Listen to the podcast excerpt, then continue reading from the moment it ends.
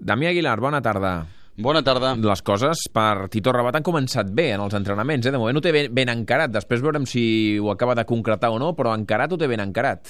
Aviam, ha començat com va començar el Gran Premi d'Austràlia. A més a més, amb la seva tàctica de sempre. En el primer entrenament, que és el que han pogut fer complet els de Moto2, no ha parat ni una vegada al box. S'ha dedicat a donar voltes i a fer ritme.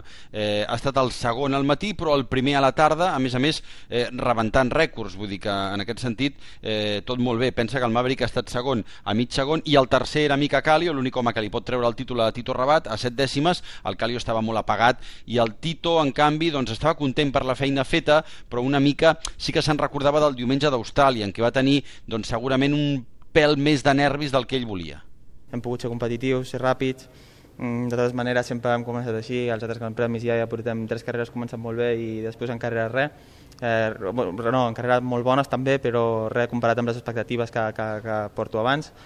Eh, aviam si, si podem continuar amb aquesta línia, donar un altre pas més i intentar donar un altre pas mental respecte a anar ràpid sota pressió a les carreres, no? que, que també és aprenentatge, no es pot aprendre aquí, aviam si, si ho aconseguim. Vaja, doncs el Tito Rabat que té molt clar quina és l'assignatura que té pendent, que és complir els diumenges les expectatives que generen els entrenaments i que la pressió d'haver d'aconseguir ja tancar definitivament aquest títol mundial no el faci fer una cursa pitjor del que diuen els seus números en els, en els entrenaments.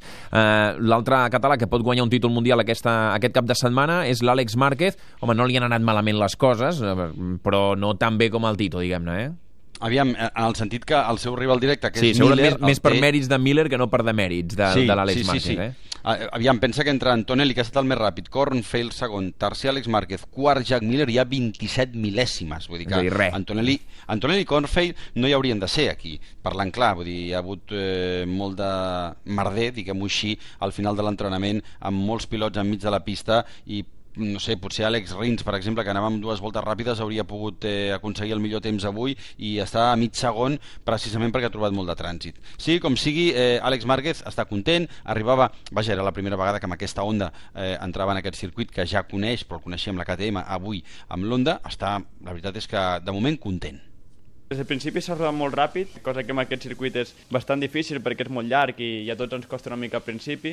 Hem estat els temps ja, ja de rècords des del matí i a la tarda amb la calor crec que hem fet una molt bona feina, hem donat els passets que, que tocàvem tot moment, que això també és molt, molt important, no perdre la paciència i bueno, al final han fet molt bon ritme a l'última sortida, en en sol, així que eh, content de com ha anat el primer dia. Molt bé, doncs tenim l'Àlex Márquez i el Tito Rabat més o menys contents i amb bones expectatives de cara al cap de setmana. Són els dos catalans que més s'hi juguen perquè tots dos tenen opció de ser campions del món aquest mateix diumenge.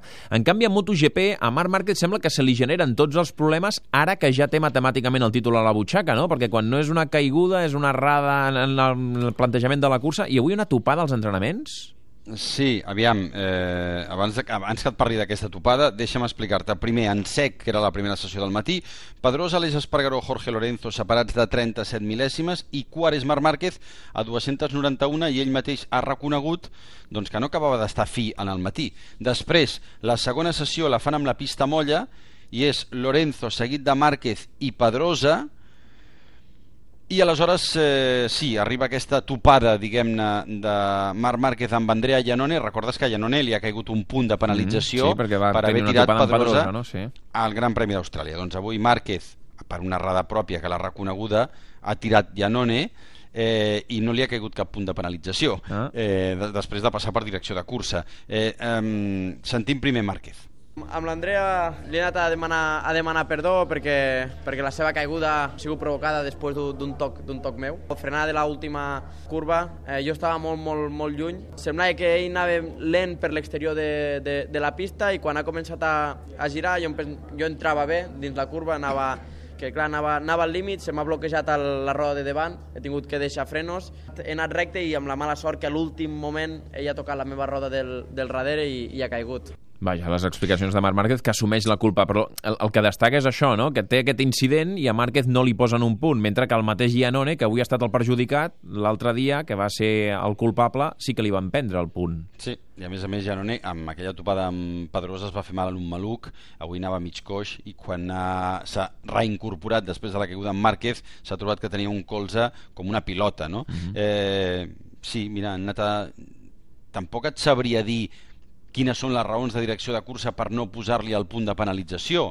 Eh, jo t'haig de confessar que jo li hagués posat, tampoc no, no per res més, sinó perquè per la llei de la compensació, potser, perquè a més a més l'errada és, és del propi Marc, perquè ell reconeix que li marxa la moto i per, i per no caure el que ha de fer és deixar frens i aleshores acaba topant-se. Sí que és veritat que l'Andrea la, millor entra sense mirar, a, a reincorpora sense mirar a la línia, però vaja, dir, al final un punt tampoc no li fa mal a ningú, uh mhm. -huh. sincerament, en aquest sentit. Ara, que crida una mica l'atenció que al Marc no li hagi posat el punt. I sobretot això, més que cridar-nos l'atenció a nosaltres, cridarà l'atenció a la premsa italiana, que no té res per explicar, perquè, eh, no, és veritat. Vull dir, a, a falta de títols que, mundials es queden amb les polèmiques. Que Antonelli no? hagi fet el primer en Moto3 no és cap titular, que Valentino Rossi hagi fet sisè amb sec i quinzè amb aigua precisament no és cap titular i vés a saber si demà doncs, el que hi ha és una mica de debat al voltant de Marc Márquez i d'Andrea Iannone. No? Molt bé, doncs escolta, el debat que se'l quedin els italians, nosaltres quedem-nos en que hi ha dos catalans que tenen l'opció de ser campions del món aquest diumenge i que de moment els han començat bé les coses en aquest gran premi. Damià Aguilar, gràcies, bona tarda. Adeu.